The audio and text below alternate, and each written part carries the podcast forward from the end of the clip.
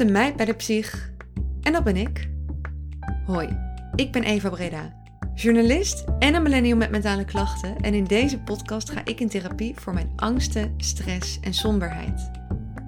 Dat doe ik niet alleen voor mezelf, maar ook voor jou. Wij millennials hebben de meeste mentale klachten van alle generaties, maar wij lopen veel te lang rond met onze problemen die van kwaad tot erger gaan. Tja, wij lossen alles graag zelf op en die drempel naar hulp, die is te hoog.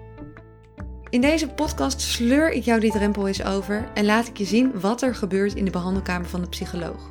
Je volgt mijn levensechte therapiesessies en komt erachter dat het best wel meevalt, therapie. Vandaag luister je naar de zesde sessie.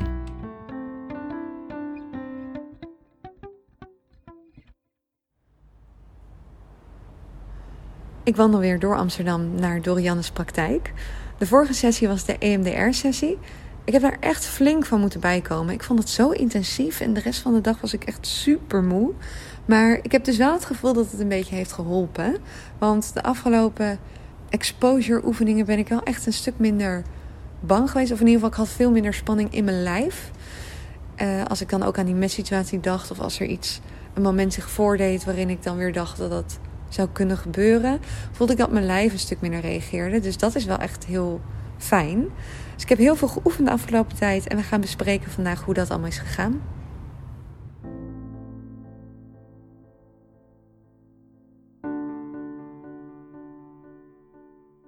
Welkom. Wat uh, fijn dat je er weer bent. Ik begin meteen met Dorianne de update te geven van de afgelopen tijd en vertel welke exposure ik heb gedaan. Ik heb nog langer met mijn ogen dicht in de badkamer gestaan. Ik heb gemediteerd. Ik ben een paar avonden alleen thuis geweest. En qua exposure uh, heb ik dus een nacht alleen geslapen. Echt waar? En dat was best wel een uh, grote stap. Wauw. Daar was ik ook wel echt heel nerveus voor.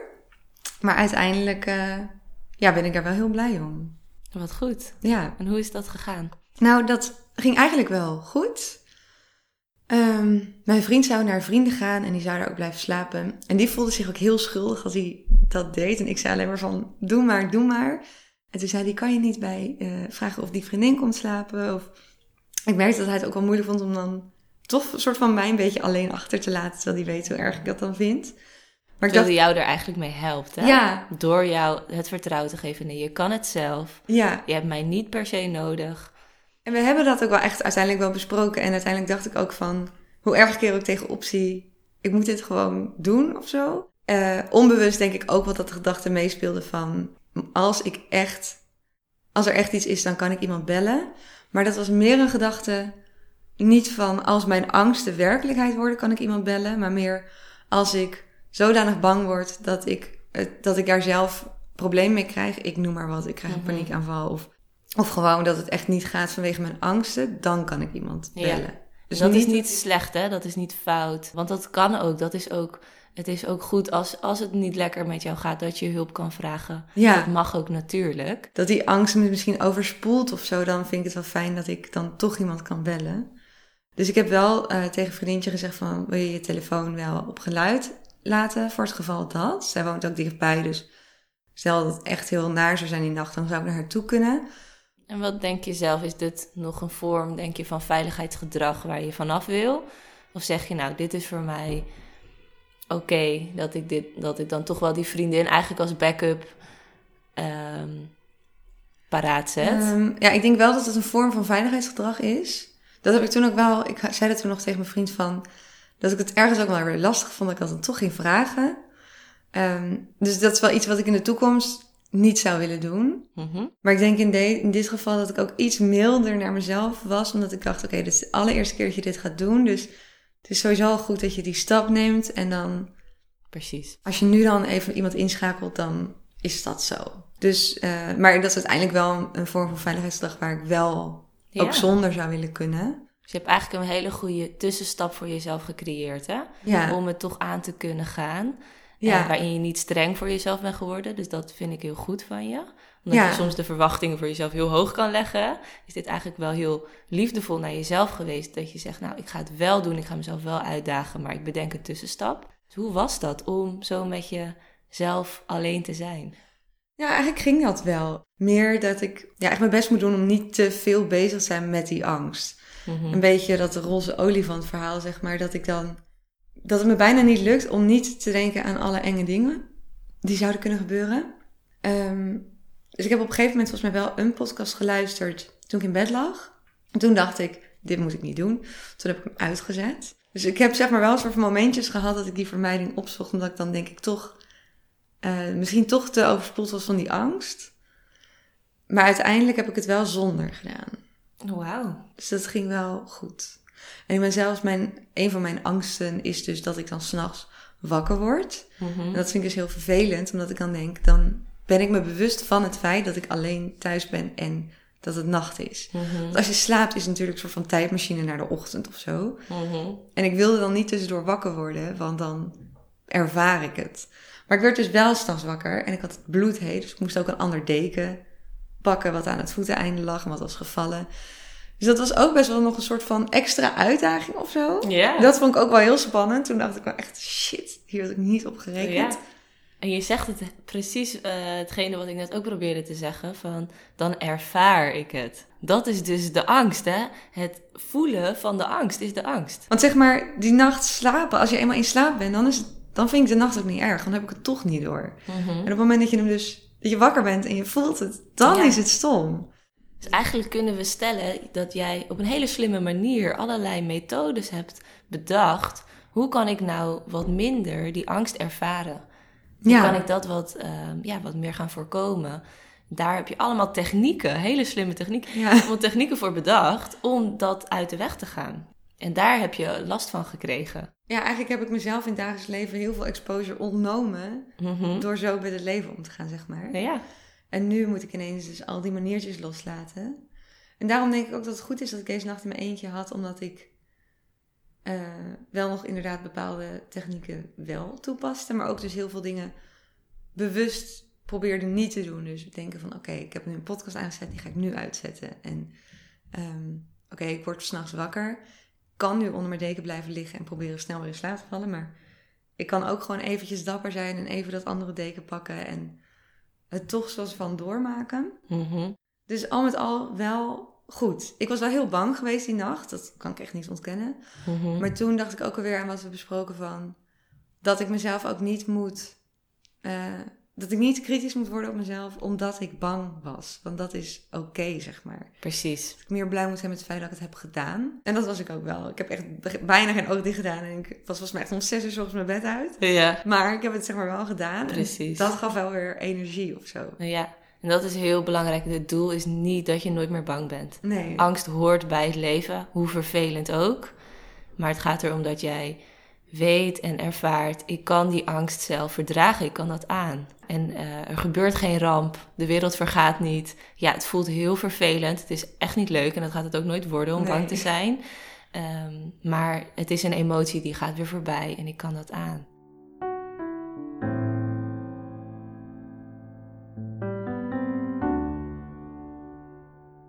Want uiteindelijk is dat exposure, hè? Het, het oefenen met bang zijn eigenlijk. Het Ja. voelen van angst, daar, ehm, daarin zitten en, Ja. en dat ervaren en dat verdragen. Dus je hebt juist eigenlijk heel goed geoefend. Ja, eigenlijk wel. En het ging ook goed. Ja, ik weet het niet. Een soort van achteraf dacht ik van, oh, echt gek dat ik hier dan jaren tegenop heb gezien. En toen deed ik het en toen gebeurde het ook. En zeg maar, toen we hier begonnen met therapie had ik het ook echt nooit zomaar gedaan. Maar ik merk wel dat ik door de weken heen dus, of eigenlijk maanden, dat ik wel stapjes heb gemaakt. En daardoor nu ook dacht van, ja, dit is misschien wel een soort van grote stap ineens. Maar het is wel een soort van een stap die ik uiteindelijk moet gaan nemen. Mhm. Ik heb bij al die andere dingen gezien dat het ook goed ging. Dus misschien moet ik het maar doen. Precies. En ook ja, het worst case scenario is dat ik wel de hele nacht wakker was. Ja, En waarschijnlijk alle lichten had aangezet. ja, En dan had ik het gewoon nog een keer moeten doen. En dan was het uiteindelijk ook wel goed gekomen of zo. Dus precies. En natuurlijk het worst, worst, worst case scenario is dat al mijn angsten werkelijkheid werden die nacht. Maar rationeel gezien wist ik ook wel dat dat niet zou gebeuren. Mhm. Dus ja, al met al wel goed. Wat mooi. En nu toevallig zijn mijn vrienden die volgende week eh dacht je misschien naar zijn ouders gaat omdat hij naar de tandarts moet volgende ochtend. Toen dacht ik ook echt even shit, moet ik weer. En toen dacht ik, misschien is het wel goed om toch redelijk kort achter elkaar het weer te proberen. Dat het nu niet een op zichzelf staand iets wordt wat ik heb gedaan en dan nu weer nooit meer doe. Absoluut. Dus dat. Uh, Juist en met dit soort angsten ehm, zeg ik heel vaak, ga het dagelijks doen. Kijk, dit is moeilijk, Ja. want je woont samen met je vriend. Maar stel, iemand heeft angst om met de lift te gaan. En Ja. ga het echt elke dag doen, totdat het je gewoon gaat vervelen bijna. Ja, Hoe gek ook. Ehm, ehm, ja, herhaling is wel echt de manier om er vanaf te komen. Ik vertel Dorianne nog iets dat me opviel tijdens mijn exposure oefeningen tot nu toe. En ik merk ook wat wel grappig is, is dat mijn hele omgeving, als ik vertel over die exposure die ik dan doe, en mijn hele omgeving reageert dan heel erg van, hé, hey, maar als er iets gebeurt, dan kan je me altijd bellen. En dan zeg ik altijd ook tegen iedereen, dit mag je juist niet zeggen, Ja. want dit is precies waar ik van af moet. En dan zeggen ze, ja, maar gewoon meer dat je weet dat als er iets gebeurt, en mensen die hebben dat ook zo sterk in zich dat ze dat herhalen. En ik merk dat dat dus niet alleen mijn eigen gevoel is door de jaren heen, maar dat het Ja. zo'n logische manier is van anderen om te helpen. Ja. En dat ik echt heel veel moeite moet doen om duidelijk te maken van niet doen, niet zeggen. Dit Ja. is precies de gedachte die ik een beetje moet loslaten.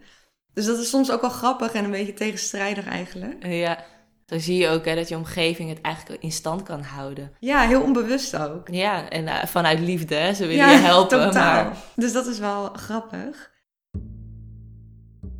Grappig, maar niet zo heel handig voor mij. Daarom spreken we af dat ik mijn omgeving niet van iedere exposure oefening op de hoogte stel om te voorkomen dat ze me gaan willen helpen.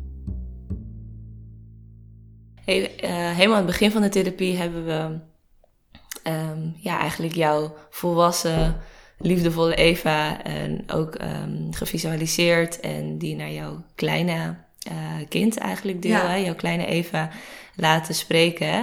Als je nu zo naar dit therapieproces kijkt, wat zou zij zeggen tegen jouw kleine Eva? En wat vindt die liefdevolle Eva daarvan? Als ze zo naar die kleine Eva kijkt die dan dat nu wel doet. Heel goed ook wel. En heel, ja, toch denk ik wel ook wel een trots gevoel. Soms medelijden ook wel. Dat ik denk van, oh, wat naar of zo. Wat je dan allemaal eh, voor angsten hebt ontwikkeld. En dat gun je, zeg maar bijvoorbeeld je jongen zelf of zo dan niet. Of die, die bange kant van mij. Dat ik wel eens denk van, wat zonde van al je energie. Maar ik denk dat ik daar soms nog wel die strenge kant heb. heb. Omdat ik dan wel eens denk van, oh, wat, wat zonde dat je dat nou zo hebt gedaan. Of wat zonde dat je eh, zo laat in therapie bent gegaan. Maar ook wel dat ik denk, ik af en toe komt die strenge kant nog even naar boven. En dan denk ik, "Oh, had je hier nou zo lang mee moeten wachten? Dan had het nooit zo ver gekomen. Maar over het algemeen overheerst wel een trots gevoel. Ja, Maar ik merk gewoon soms dat die strenge kant denk ik af en toe even... het moet snel, het moet nu, het moet Ja. goed. Ik moet gewoon doorpakken, niet zeuren. Hmm, welke kant is dat in jou? Eh, ja, ik denk dat dat gewoon echt een soort van overlevingskant is. Ja. En ik, die vind ik ook heel logisch hoor, dat die er is. Want ik denk dat die in mijn leven heel nuttig is geweest. Ja, Maar ik merk wel dat ik nu op een punt in mijn leven kom dat die zeker niet meer zo nodig is of zo functioneel is eigenlijk. precies. Dus eigenlijk zie je, je hebt dat, het, het kleine bange meisje, wat, wat vroeger voelde je ook angst, hè? was Ja. het ook onvoorspelbaar thuis. En eh, die strenge coping is ontwikkeld om haar eigenlijk te beschermen, om te overleven. Ja, Ehm, en die zit er nu nog steeds, maar nu helpt die je eigenlijk niet meer. En nu maak je eigenlijk de verandering naar meer je liefdevolle kant. hey, het is oké om bang te zijn. Het hoeft allemaal niet nu. Doe maar rustig aan. Het komt allemaal goed. Je bent veilig. Nou, en ik, toevallig zat ik hier dus vorige week nog een beetje aan te denken. Toen was ik er een beetje mee bezig dat ik dus. Eh, hoe leg ik dit uit? Dat ik het gevoel heb dat inderdaad de afgelopen jaren dus die misschien overlevingsmodus van mij af en toe zo de overhand heeft genomen. Mhm. Dat ik daardoor ook wel eens een soort van harder persoon ben geworden dan ik denk ik van binnen ben. Mhm. Omdat ik zelf best wel introvert ben en ik hou ervan om heel erg een beetje op mezelf te zijn en lekker rust te pakken. En ik denk meer dat ik een soort van, eh, van binnen meer een soort van zacht ei ben eigenlijk. Ja. En ik denk dat de laatste jaren dat ik zo in overlevingsmodus heb gezeten. ehm, ook bijvoorbeeld dat ik, ik wilde nooit medelijden en ik wilde nooit praten over mijn emoties. Ehm, en ook wel dat ik best wel brutaal kon zijn, grote mond.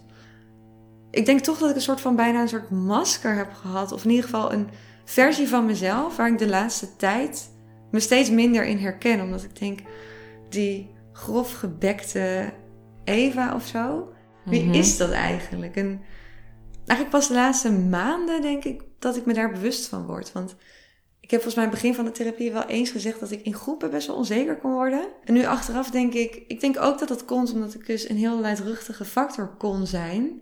Waar ik mezelf ook niet herkende. En misschien waar ik mezelf ook wel aan ergerde. Mhm. En dat ik me daarom voor kon stellen dat andere mensen dat ook wel hadden. En nu pas begin ik in te zien van, volgens mij is, heeft, is dat ook een soort van onderdeel van die overlevingsmodus die ik de afgelopen jaren heb gehad. En begint dat nu een beetje als een soort harnas, een beetje zo van me af te brokkelen. En dat ik merk van, oh ja, ik begin langzaam weer een soort van zachtere kant van mezelf terug te vinden. Die ook in groepen veel rustiger is. Eh, Wauw, wat een inzicht. Ik weet niet of dit heel vaag klinkt. Nee, het klinkt alsof je je eigen ui aan het pellen bent. Ja, Dus dat. We hebben allemaal hè, soms maskers of manieren bedacht hè, hoe we ons presenteren, wat ook veiliger voelt. Ehm, omdat van binnen is natuurlijk onze echte emoties is ook kwetsbaar hè, om aan Ja. de wereld te laten zien. We kunnen afgewezen worden of whatever kan gebeuren. En je bent eigenlijk een beetje je ui aan het pellen en je ziet nu, wat, maar wie ben ik nou echt? Wat is nou mijn kern? En dat zeg je, nou, dat is eigenlijk een heel warm, liefdevol en misschien wat introvert en ehm, rustig zacht ei. en dat is eigenlijk wie ik ben. Maar daaromheen waren er allemaal laagjes, harnassen noem je het ook heel mooi, Ja, eh, ontwikkeld om ehm, ja, je weerbaar te maken, je niet zo kwetsbaar te voelen. eh, en ook om te overleven, omdat dat zachte is natuurlijk ook, is ook spannend. Ik denk dat daardoor ook wel mijn angsten dus zijn aangewakkerd. Omdat die hardere kant van mij, dat ook best wel, daar ook best wel streng voor is geweest. En niet zozeer streng in de zin van je moet het aangaan, maar bijna meer streng in de zin van ga het niet aan. Je mag Maar je niet zo voelen Het misschien is wel slecht dat je het niet aangaat en wat stom inderdaad dat je die angsten hebt. Ja. Dus meer heel kritisch of zo. Op zich is het logisch hè, als je ehm, bang bent, misschien als kind, en je voelt je ook een zacht ei. Oké, het klinkt misschien een beetje rot, maar ik gebruik even jouw eigen woorden. Ja, ja, ja. Ehm, dat je strenge kant, je overlevingsdeel zegt, nee, verman jezelf. Ja, absoluut. Want het is kwetsbaar, hè? Als je in een onveilige situatie ook eh, een zacht ei voelt, is dat natuurlijk heel eng. Dus je hebt manieren ook weer bedacht om harder te worden. ik weet op zich dat ik die strenge kant of die overlevingskant in me heb. Mocht het ooit nuttig zijn in een onveilige situatie. Alleen in het dagelijks leven heeft die totaal geen nut. Werkt het me eerder heel erg tegen eigenlijk. Precies. En die kost gewoon ook heel veel energie uiteindelijk. Ja, Ja. mooi.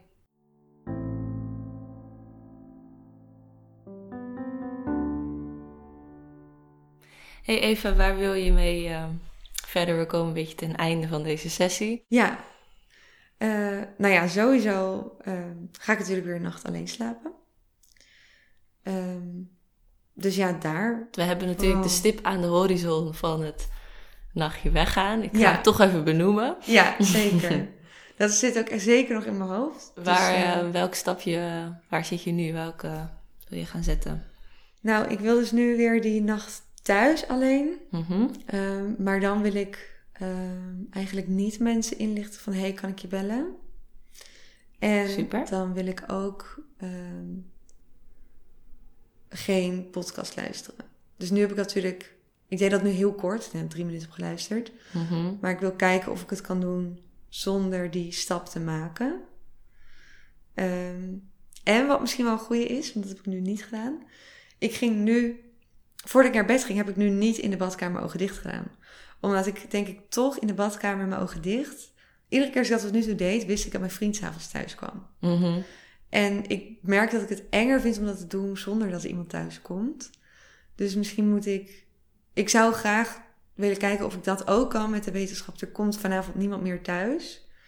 Maar dat heb ik ook niet nodig om deze exposure te kunnen uitvoeren. Ja, dus dan wil je toch naar de badkamer ogen dicht doen. Ja, Super. ik denk dat ik dat even wil kijken of ik dat kan combineren. Omdat ik. Ik denk dat dat namelijk de drie grootste eh vermijding dingetjes zijn die ik de vorige keer heb gedaan. Ja. Denk dat wel een groot stap is. Zeker, absoluut.